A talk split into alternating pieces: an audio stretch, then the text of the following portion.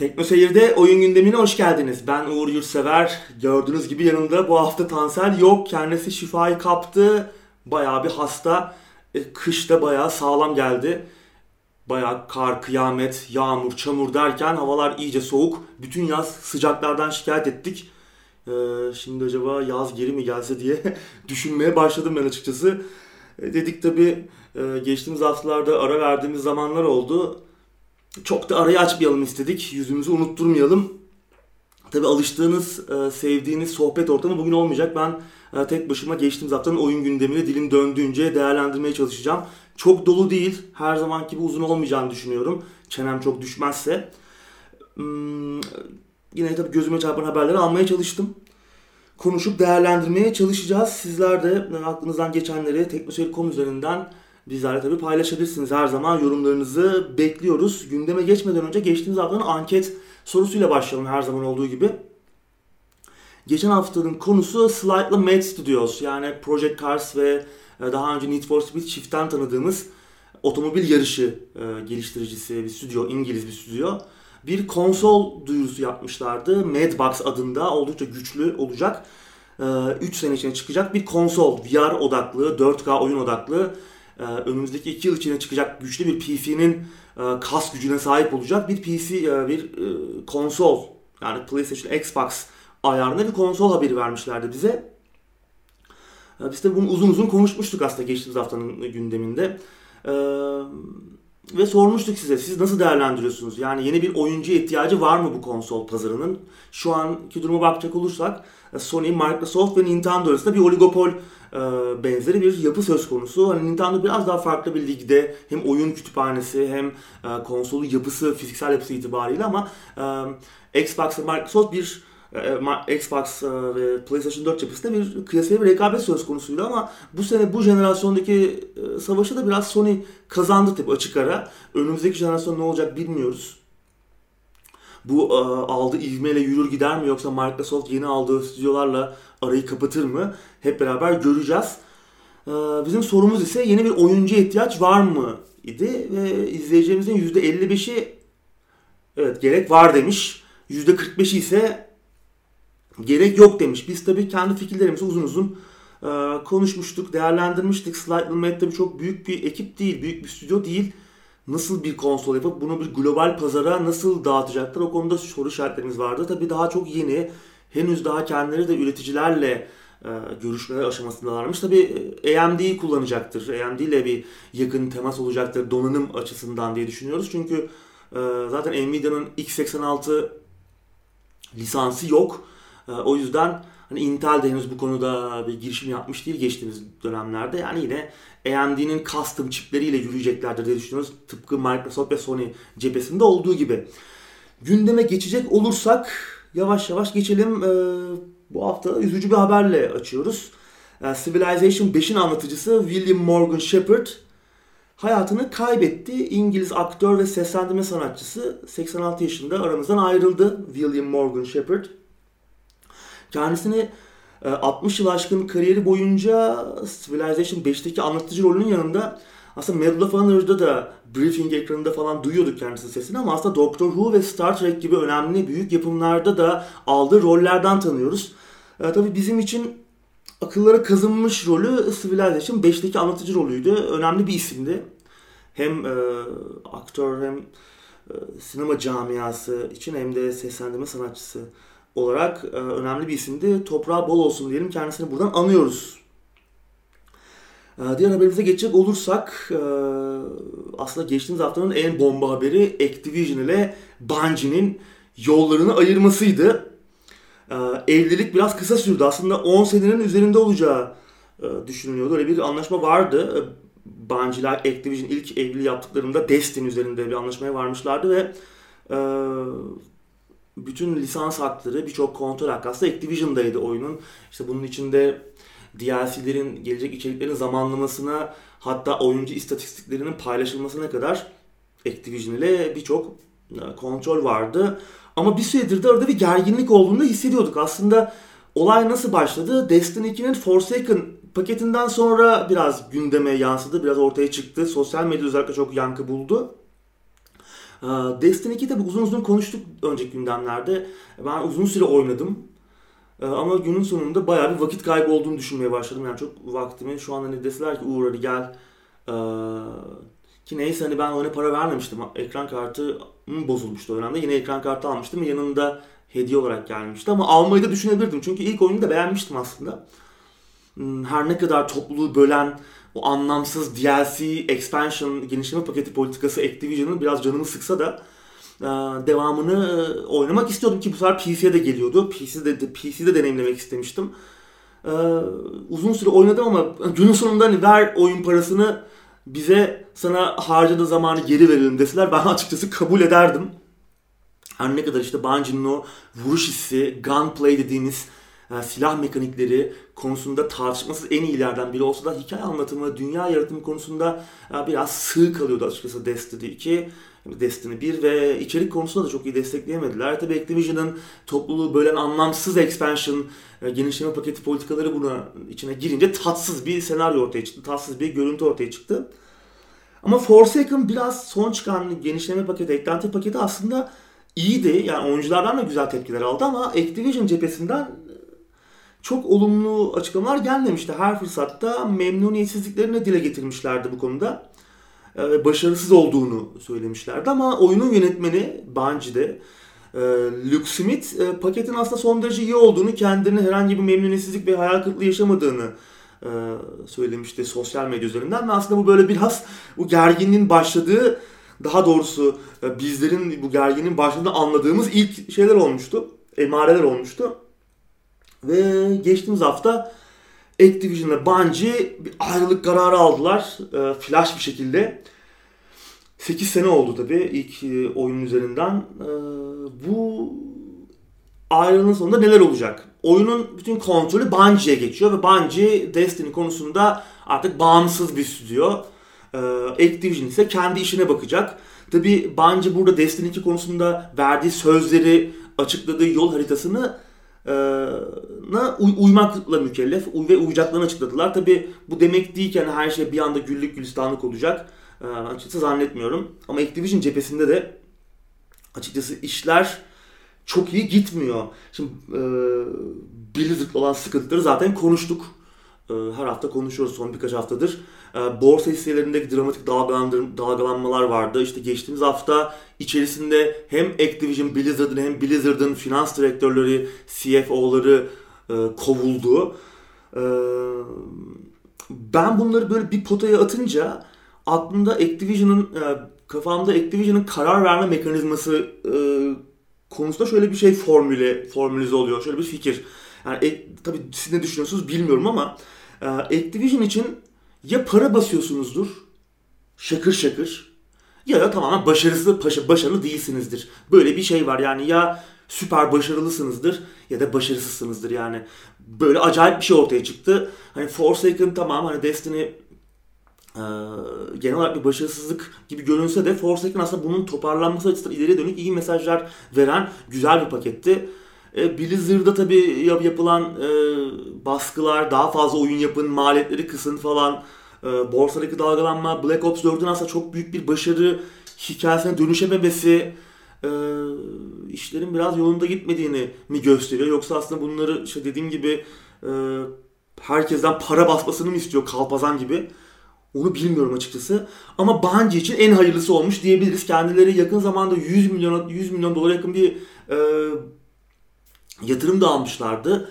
Metro adında yeni bir fikri mülk e, lisansladılar. Tabii bunun ne olduğunu henüz bilmiyoruz. Bir oyun mudur, bir hizmet midir, ne olduğu henüz e, belli değil. Yakın zamanda belki öğreniriz. E, şimdi tabii Destiny'nin bağımsızlığını da elde ettiler. Ne olur? Tabii oyunları servis olarak, bir online hizmet olarak görme anlayışı değişmeyecektir. Onun için hani bir anda Destiny işte böyle topluluğu bölmüyoruz artık. Bütün expansionlar herkese bedava diye bir şey olmayacaktır. Yani Destiny bu tarz oyunların devam ettirilebilmesi için bir e, stabil bir gelir akışı gerekiyor.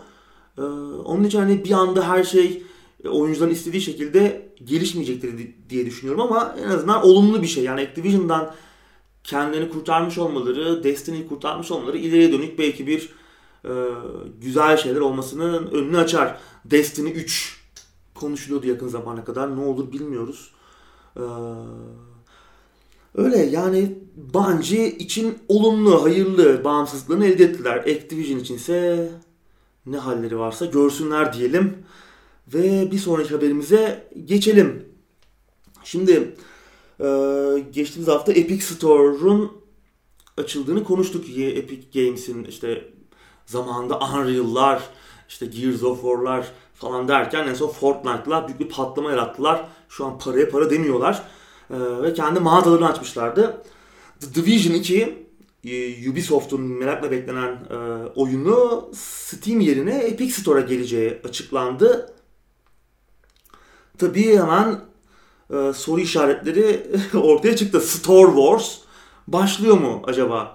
Mağaza savaşları. Bu konuda neler olacak göreceğiz.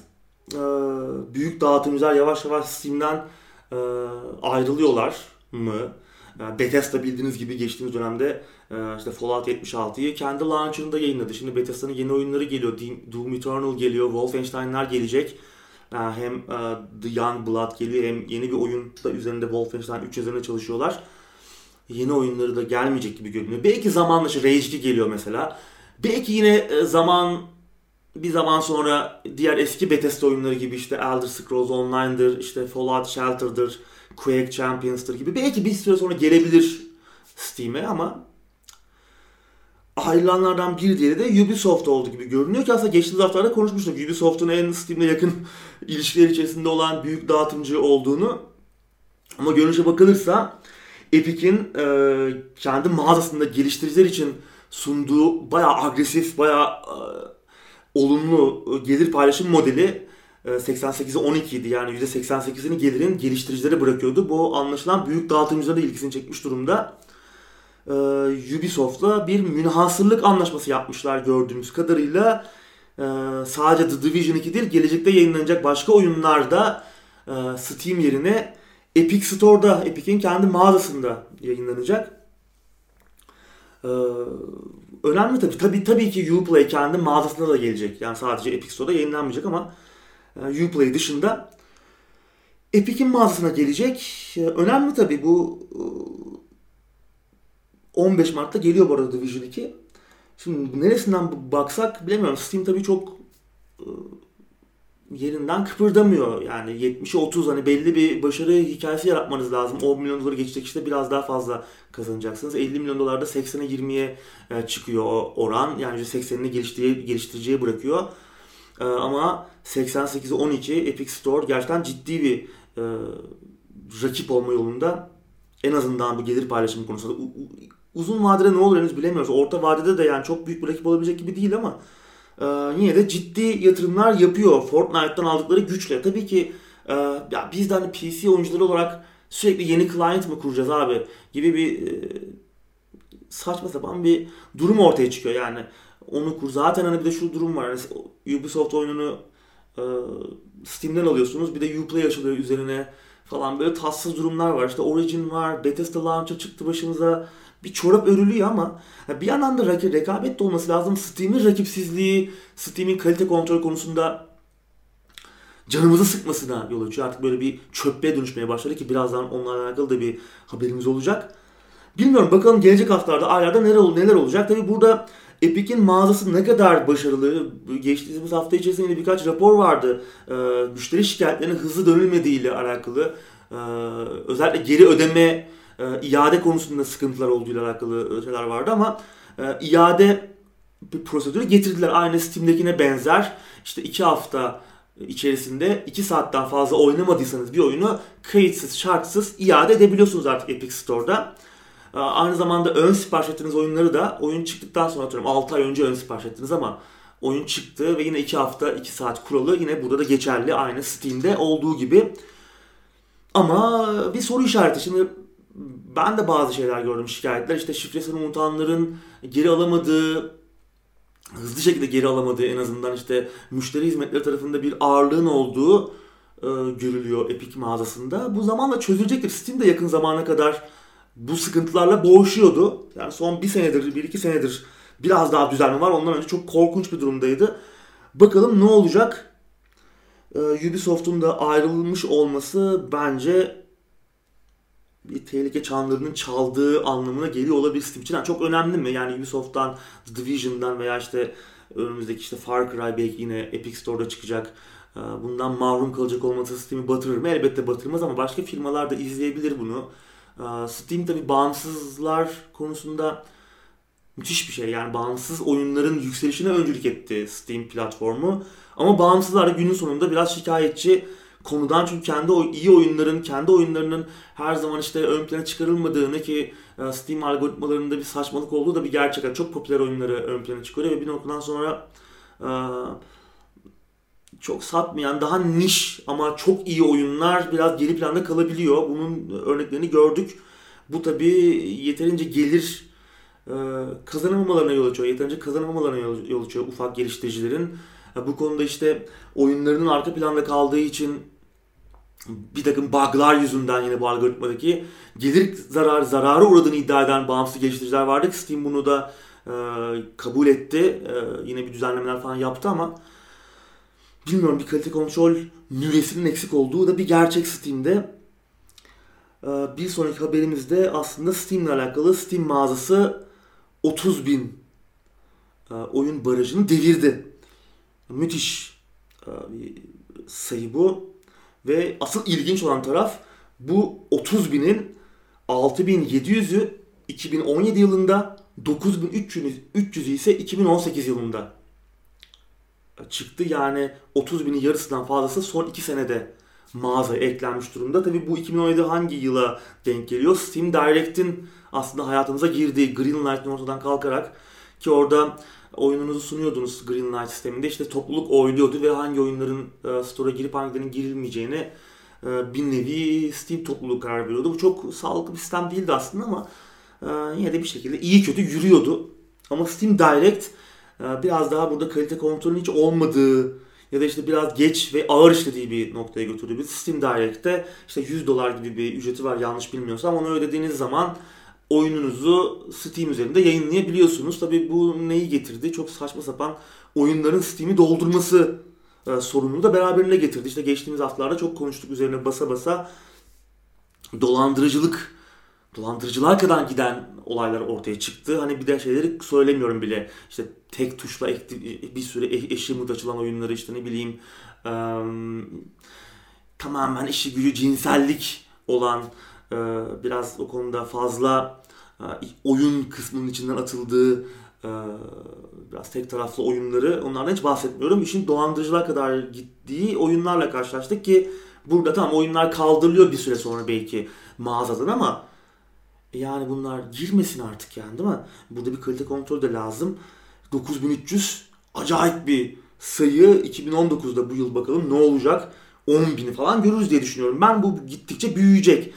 Ee, tabii Steam'in şu şeyine katılıyorum. Hani biz lezzet polisliği yapmıyoruz. Kimin ne oynayacağını, kimin hangi oyunu geliştireceğine karışamayız diyor ki bu kesinlikle benim de katıldığım ve desteklediğim bir düşünce, bir felsefe. Ama günün sonunda Steam'in de çok aşırı doygun bir pazar haline gelmemesi lazım. E, doygunlaştıkça taşıyor ve yani çok kalitesiz bir noktaya da gidiyor. Yani işte 9300 oyundan kaç tanesi çok iyiydi. Tamam her oyun iyi olmak zorunda değil. Her oyunun bir alıcısı olabilir ama işte burada kalite kontrol diyoruz ya. Yani çoğu aslında bu oyunların işte bir dönem Unity'den işte ücretsiz e, assetlerle yapılan oyunlar gündemdeydi ki bunlar hala zaman zaman karşımıza çıkıyor. Bir açıyorsunuz 5 tane oyun aslında hep aynı kaplamaları, aynı sesleri, aynı şeyleri kullanıyor. Bunlar istemediğimiz şeyler. Ee, çok iyi değil yani açıkçası. Öyle. Steam'de böyle ilerleyecek gibi görünüyor. Ee, bakalım 2019'da neler olacak. Biz tabii daha fazla oyun görmek isteriz. Daha yaratıcı, daha iyi oyunlar, oyun tasarım felsefesini de ileriye götüren, yeni oynanış mekanikleri, yeni oynanış tasarımlarını bizle buluşturan şeyler görmek isteriz. Bakalım neler olacak? Steam tabii önemli. Steam'i hayatımızdan çıkartamayız. Steam bu yükselişe öncülük etmiş platform. Bir, ne, bir nevi PC oyunculuğunu e, ölmek üzere deniyorken tekrar ayağa kaldırmış ve muazzam bir noktaya getirmiş bir platform. Ama rekabete de ihtiyaç var. Öyle. Hmm, bir sonraki maddemize geçelim. e, önümüzde geçtiğimiz hafta bir başka skandala daha e, konu oldu. Gearbox'ın patronu Randy Pitchford ile ki kendisini sevdiğimizi daha önce de tırnak içinde sevdiğimizi defalarca söylemiştik. Colonial Marines faciasıyla özellikle Elden Colonial Marines e, kendisine müteşekkiriz bu konuda. Randy Pitchford ile şirketin eski avukatı 12 milyon dolarlık gizli bonuslar, ödenmemiş bir takım krediler ve porno yüzünden birbirine girdiler. Tabii bu birbirine girme olayı yasal zeminde yani saç baş yumruk girmediler. Karşılıklı dava açmışlar. Randy Pitchford ve avukat Wade Callender. Ee, iddialar bayağı ciddi. Şimdi e, bundan önce başka bir mevzu daha vardı aslında. Geçtiğimiz haftalarda konuşmuştuk Tansel'le. Yine gündeme taşımıştık. Pitchford'un kendisini ve eşini dolandıran, Randy Pitchford'un kendisini ve eşini dolandıran eski asistanlarının da peşindeler aynı zamanda. Bayağı yüksek meblağda dolandırmış adam kişisel harcamaları Randy ve eşinin hesabından yapmıştı. Tabii kendisine bütün hesap yetkilerini de vermişler. Kendisinin peşindeler de hem işte mahkeme yoluyla hem de adam e, izini bir şekilde kaybettiriyordu. İşte yakalanıyor yine kayboluyor falan böyle. O da acayip bir şeydi. Geçtiğimiz haftalarda eğer o haberi e, kaçırdıysanız yine gündemlere göz atın derim. İlginçti o da. Görünüşe bakılırsa abimizin başından kara bulutlar eksik olmuyor. İşte bunlar Colonial Marines'in ahı burada. Bizim çok ahımızı aldı kendisi. Hmm, şimdi dedik çok ciddi iddialar var. Gerçekten öyle. Hatta zaman zaman bel altı vurmaktan da geri kalmamışlar. Gearbox e, Calendar'a ev alması için 300 bin dolar. E, Pepperdine Üniversitesi'nde MBA işletme master yapması için 120 bin dolar ve kişisel bazı davaları bazı işleri için de 50 bin dolar borç verdiğini ama bunların geri ödenmediğini söylüyor. Dahası e, şirket adına açılmış American Express hesabını da kişisel harcamalar için kullanmış iddia ediliyor ki bu harcamalara Calendar'ın six pack yapma takıntısını da ekle, eklemeyi ihmal etmemişler. Ee, abimiz paraları cimde yemiş anladığımız kadarıyla spor salonunda yemiş gibi görünüyor. Yani iddialar bu yönde. Ee, Calendar tarafında ise e, Pitchford'un kendisine hizmetleri için ödemesi gereken bedelleri ödemediğini ve sonunda kendisini bir şekilde şirketten uzaklaştırdığını iddia ediyor. Dahası Pitchford hakkında da e, başka suçlamalarda bulunuyor. Gearbox'ın fonlarını hortumlamak ve 2K ile 12 milyon dolarlık gizli bir bonus, bonus anlaşma yapmakla suçluyor. Hatta iddiaları biraz da bel altına taşıyor ve 2014 yılında bir USB bellekte çocuk pornosu barındırmakla ve Gearbox'tan lüplettiği bu paralarla tavus kuşu partileri düzenlemekle suçluyor. Tavus kuşu partisinin ne olduğunu ben söyleyeyim siz e, araştırın. İddialar çok ciddi gerçekten. Şimdi özellikle bu çocuk pornosu e, iddiası oldukça ciddi. Pitchfork tabii bunu e, kesin bir dille yalanladı sosyal medya üzerinden. Ama e, bir USB bellekte porno içerik bulundurduğunda tamamen reddetmemiş, kabul etmiş ama bunların yasal olduğunu, kendisinin aslında bir e, nasıl denir işte kamera önünde bir takım şovlar yapan e, kadınların e, görüntüleriyle doluymuş anladığımız kadarıyla e, bu USB. E, ama tamamen yasal olduğunu söylüyor. Biz bilemiyoruz tabii kimsenin insanların zevklerine, özel hayatlarına karışamayız ama ciddi iddialar bunlar. İşin ilginç tarafı da şu Calendar ve Pitchford çok uzun eski yıllardan beri yani 40 yıllığı bulan 40 yılı bulan bir arkadaşları da söz konusuymuş. Yani çok eskilere dayanan bir dostlukları var. Valla olay tuhaf. Ee, şimdi tabii iyice dağılmayalım burada. Ee, vereceğim vereceğim linkte e, olayın detayları mevcut. Ee, ama büyük bir skandal tabii bu. Özellikle Gearbox'ın geçtiğimiz zaman dönemde başarısız işleri imza atmış olması, işte Duke Nukem Forever, e, Colonial Marines skandalı, işte o dönemde neler neler yaşandı. Biraz bugün yavaş yavaş aslında garip olaylarla, iddialarla tabii kesinleşmemiş şu an mahkeme aşamasında olaylar karşılıklı suçlamalar var. Ama bir şeyler de yolunda gitmiyor. Ters gittiği ortada. Valla Colonial Marines büyük bir sevimsizlikti. Yani Alien e, çok yani beklediğimiz müthiş abartılan oyun çıkmadan önce ki müthiş beklenti yaratılan bir oyundu ki bu beklentileri yaratan da aslında biraz Randy Pitchford'tu. E3 videoları falan muazzam. Sonra oyun çok bambaşka bir e, şeye dönüşmüş halde çıktı karşımıza. Rezildi yani yapay zekası, e, kaplamaları, oyun görsel yönden zaten çok kötüydü. E, bölüm tasarımları, hikayesi, e, yapay zekası dediğim gibi yani halay çeken e, xenomorphlarla karşılaşmıştık. Gerçekten çok kötüydü oyun. E, o yüzden sevimsiz tabi bu olaylarda oyun endüstrisi adına yine son derece sevimsiz olaylar olduğuna e, şüphe yok. E, bir sonraki maddemize geçecek olursak yine Alien'la bitirdik. Devam edelim. E, geçen hafta konuşmuştuk Alien Blackout. Mobil oyun çıktı. Daha fazla Alien oyunu da yoldaymış. Ee, dediğim gibi geçen hafta konuşmuştuk. Amanda Ripley'in olduğu, Alien Isolation ana karakteri Amanda Ripley'in olduğu bir oyun tease etmişti Fox Twitter hesabından. Daha da önce Alien Blackout adında bir oyunu lisanslamışlardı. Alien Blackout ismini lisanslamışlardı daha doğrusu ve e, bu oyunun Game Awards'ta duyurulabileceği, ilk kez orada göreceğimiz yönde de bir takım emareler vardı ama Game Awards'ta bir şey görememiştik. Biz Alien Blackout nedir? Bu Amanda Ripley'in olduğu yeni bir şey midir diye düşünürken bu oyun Alien Blackout çıktı ve e, Amanda Ripley'in olduğu bu oyunda aynı zamanda bir mobil oyunmuş. Gerçekten bu kadarını da beklemiyordum ben. Geçen hafta Alien'dan babamcısı demiştim ama büyük laf etmişim. Açıkçası benim beklediğim bir mobil oyun değildi onu söyleyeyim. Ee, tam da biz gündemi çektik. Ben eve dönerken gördüm haberi. Gündeme yetişmedi yani Babel aslında. Biraz da geçen haftanın gündem konusu idi. Biraz geç yapılmış bir haber olarak gündeme ekledim. Ee, Valla kusura bakmasınlar ama mobil oyun ilgimi çekmiyor. Hatta bir şey söyleyeyim mi? Bir mobil oyun fikri bir Xenomorph'la karşılaşmaktan daha korkunç bir fikir gibi geliyor bana şu an. Alien'ın kendisinden daha korkunç açıkçası. Tabi bu duyurunun ardından baya büyük bir tepki aldılar. Ve hemen de başka oyunların yolda olduğu açıklaması geldi. Ee, tabi bunlardan birinin aslında Cold Iron Studios'un geliştirdiği bir shooter oyunu olduğunu biliyoruz. Hatta daha önceki gündemlerde konuşmuştuk bu Alien Blackout acaba Cold Iron'ın geliştirdiği oyun olabilir mi diye ama bu değilmiş. Alien Blackout bir mobil oyunmuş. Cold Iron'ın geliştirdiği shooter ise muhtemelen hem konsola hem PC'ye gelecek ee, bir AAA tadında bir oyun olacak ama umarım Alien Colonial Marines gibi bir garabetle karşılaşmayız. Ama en azından burada yine de bir umut var. En azından düzgün bir oyun geliyor. Tabi Alien markasından son yıllarda doğru düzgün bir şey çıkmadı. Yani Alien Isolation dışında gerçekten iyi oyunlara hasretiz. Müthiş bir e, fikri mülk çünkü müthiş bir franchise. E, ki ben benim özel ilgim var.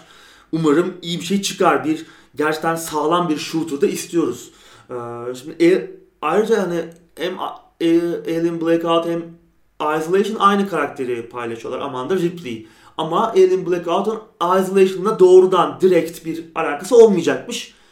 Yani bir hala bir Isolation devam oyunu ihtimali var düşük de olsa. Çünkü oyun bildiğiniz gibi çok büyük bir kritik başarı getirmiş olsa da bunu ticari başarı ta- takip etmedi. Sega'yı çok memnun etmedi satışları bir anlamda. Aslında yine oyun bir korku oyunu, içinde çok fazla aksiyonun olmadığı bir korku oyunu olduğu düşünülürse bence ticari başarı da aslında iyiydi ama tabii oyuna ne kadar para gömüldü, karşılığında ne kadar alındı bu konularda bizim bir bilgimiz yok. Ama yine de bir devam oyun ihtimali hala burada var. Uzakta olsa.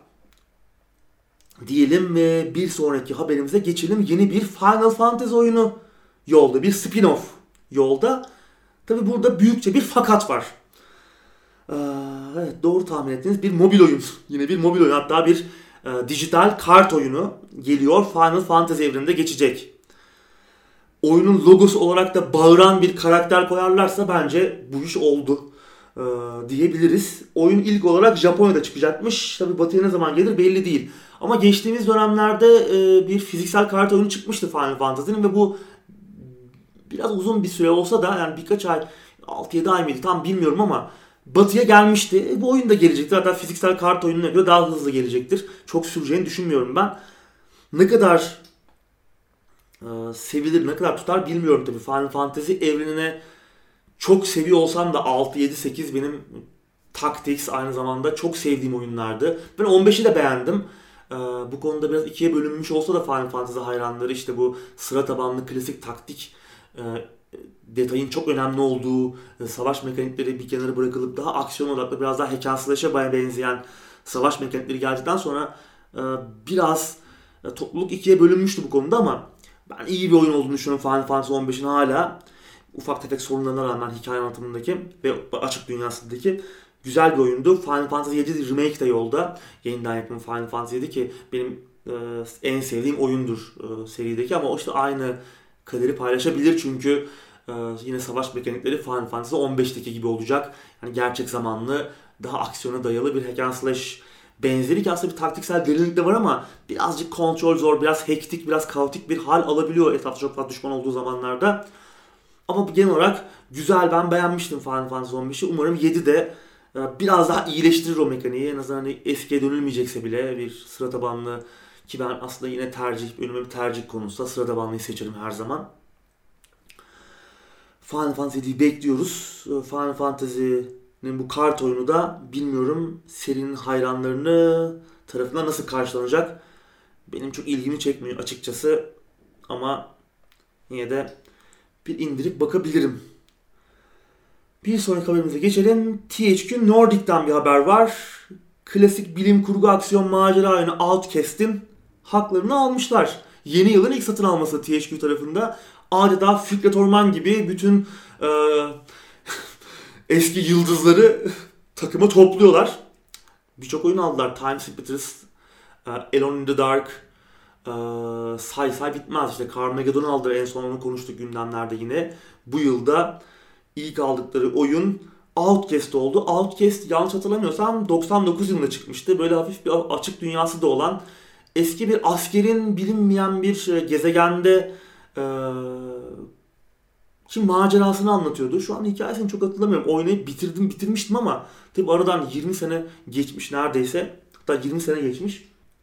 Güzel bir oyundu dönemine göre. Hatta yakın zamanda geçen sene yanılmıyorsam bir yeniden yapımı da piyasaya çıkmıştı konsollar ve PC için ama bakma imkanım olmadı. Ee, THQ Nordic agresif satın almalarına devam ediyor. Bakalım bu büyüme nereye kadar gidecek?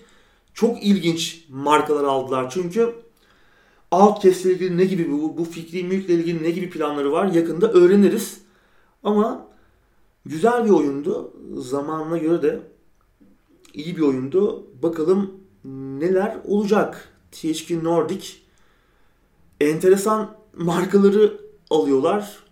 Hepsi de bir dönem sevdiğimiz oyunlar aslında yani özellikle benim jenerasyonumun sevdiği e, o dönem işte oyun hayatımıza damgasını vurmuş oyunlar. Mesela Alone in the Dark. Buradan ne çıkacağını ben açıkçası merak ediyorum. Mesela Carmageddon yine 90'lar.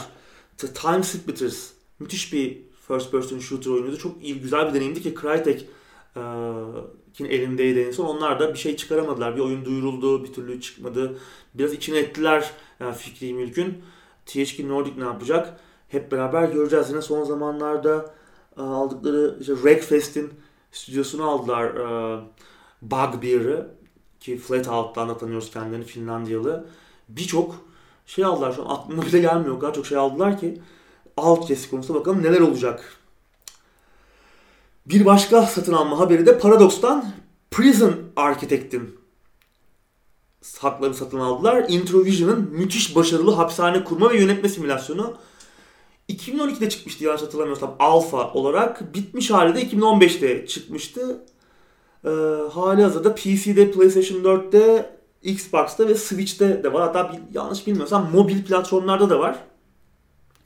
Tabi oyunun güncelleme sorumluluğu da e, Paradox'un üzerine geçmiş.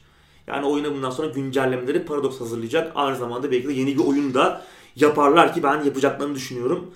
E, ellerinde de güzel markalar var strateji anlamında. Paradox bu anlamda müthiş. İşte Steve Skyline, Stellaris, Survival Mars, Battletech, Crusader Kings, Europe Universalis falan derken gerçekten strateji oyunu kataloğuna müthiş bir katılım oldu Prison Architect. Çok farklı bir tarzda, çok güzel, hafif mizahı da olan, müthiş derin yönetim mekanikleri olan, çok eğlenceli, böyle vaktin zamanı nasıl geçtiğini anlamayacağınız harika bir oyun. Yanlış bilmiyorsam Teknoseyir'de bir incelemesi mevcut Hamdi hazırlamıştı.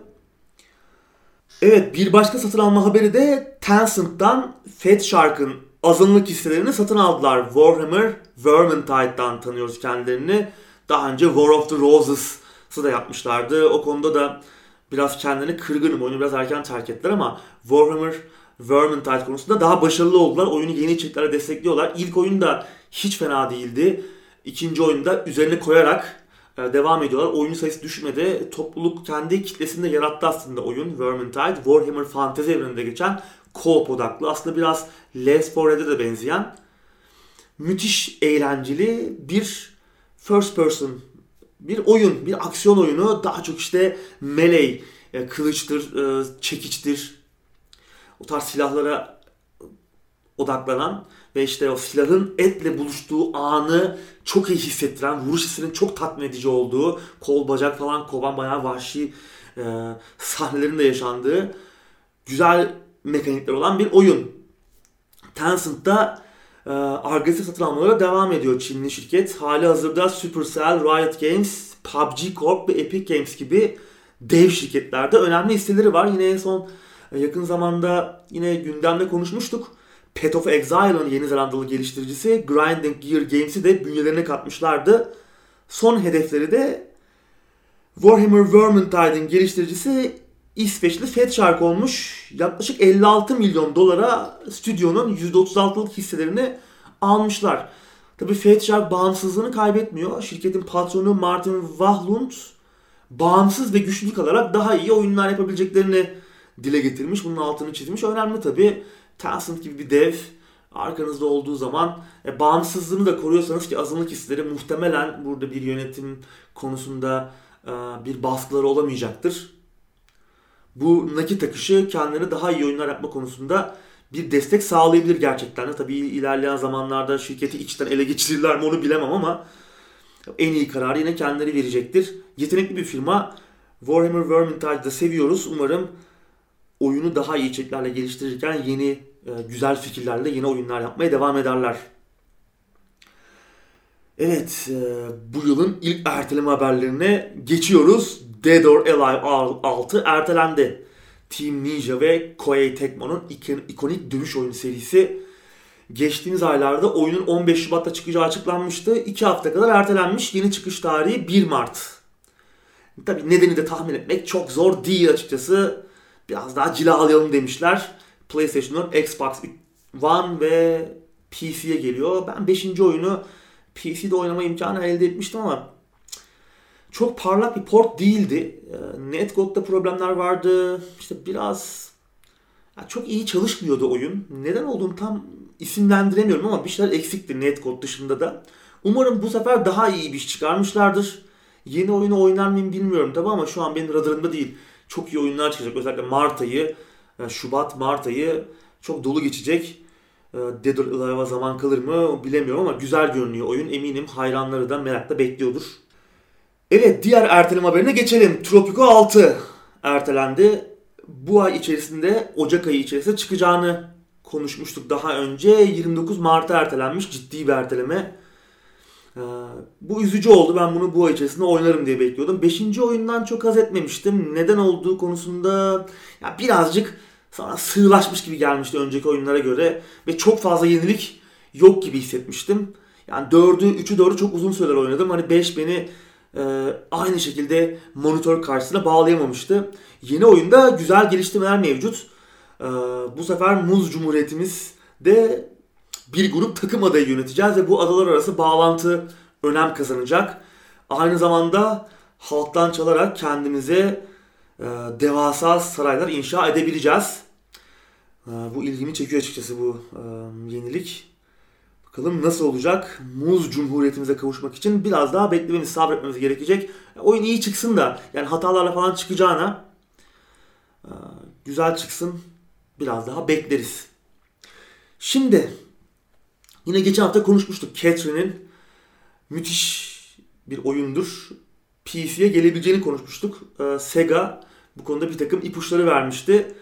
Tabii biraz eski bir oyun. 2013 yılında çıkmıştı. Yani 2011 yılında çıkmıştı. Yanlış hatırlamıyorsam şu an yanlış hatırladıysam da beni düzeltin. Ee, harika bir oyundu. Kadın erkek ilişkileri, aldatma, cinsellik üzerine gerçekten ilginç dokundurmaları olan, eğlenceli bir üslubu, mizahı da olan aynı zamanda kendisinden başka da başka bir oyuna benzemeyen, hiçbir şeye benzemeyen değişik bir oyundu. Atlus'un Japon geliştirici ki Persona serisinin de aynı zamanda geliştiricisidir e, puzzle platform, bulmaca platform oyunu. E, yakın zamanda full body versiyonu PlayStation 4 ve Vita'ya gelecek. Japonya'da çıktı yanlış bilmiyorsam. Batı'ya da gelecek. Ama ne yazık ki PC'ye gelecek versiyonu klasik versiyon olacak. E, bunu geçen hafta konuşmuştuk acaba hangisi gelecek diye. Ben klasiğin geleceğini tahmin ettiğimi söylemiştim ki aslında söylentiler de o yöndeydi. Klasik gelecek ha. Belki ileride full body ile çünkü yeni bir e, ilişki seçeneği falan da gelecekmiş. Bir takım bazı içerikler, yeni içerikler de olacakmış. Belki DLC olarak falan belki yayınlanır. O konuda nasıl bir prosedür işleyecek bilmiyoruz. Gelebilir bilmiyorum ama e, tabii klasik PC'ye özgü bir takım iyileştirmeler de içinde barındıracak. 4K desteği olacak. Japonca seslendirme seçeneği olacak ki bence bu önemli. Oyunun Japonca seslendirme, İngilizce altyazıyla oynamak daha keyifli olacaktır diye düşünüyorum. Ben öyle yapardım sizin yerinizde olsam. Müthiş bir paket Steam'e geldi. 60 TL fiyatı var. Ya oynamadıysanız daha önce PlayStation 3 döneminde Xbox 360'da da vardı yanlış hatırlamıyorsam. Bence 60 lira değer. Kesinlikle değer. Ama oynadıysanız daha önce deneyimi baştan sona hatırlıyorsanız benim gibi belki biraz indirime girmesini bekleyebilirsiniz. Şöyle 20-30 lira bandına ki ben hızlı bir şekilde düşeceğini zannediyorum. Önümüzde işte hafta ortası indirimleri, hafta sonu indirimleri, bilmem ne indirimleri, işte ne bileyim şeker bayramı şudur budur gibi indirimler olduğu sürece iner biraz daha beklenebilir bence. 60 lira size pahalı geldiyse ama daha önce oynamadıysanız bu tarz oyunlar da ilginizi çekiyorsa değişik bir kafanın olduğu, hafif zaman zaman absürt mizahın da içinde bulunduğu ama anlamlı, sizi düşündüren demin dediğim temalarda işte kadın erkek ilişkileri konusunda özellikle bence kesinlikle değer. Eğlenceli bir oynanışı vardır. Onu da söyleyeyim. Değerlendirin derim. Şu an 60 lira.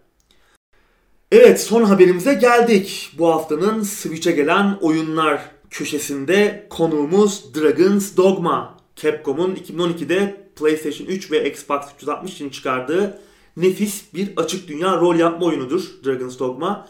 2014'te Xbox One ve PlayStation 4'e de gelmişti oyun yanlış hatırlamıyorsam. Daha sonra 2016'da yayınlanmış tüm yan içerikleriyle birlikte ve bir takım problemleri törpülenmiş haliyle Dragon's Dogma Dark Horizon adıyla PC'ye gelmişti Steam'e.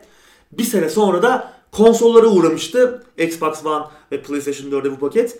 23 Nisan'da da Dragon's Dogma Dark Horizon Switch'e geliyor. Valla şöyle düşününce neredeyse Skyrim kadar çok yayınlanmış bir oyundan bahsediyoruz. Güzel bir oyundur.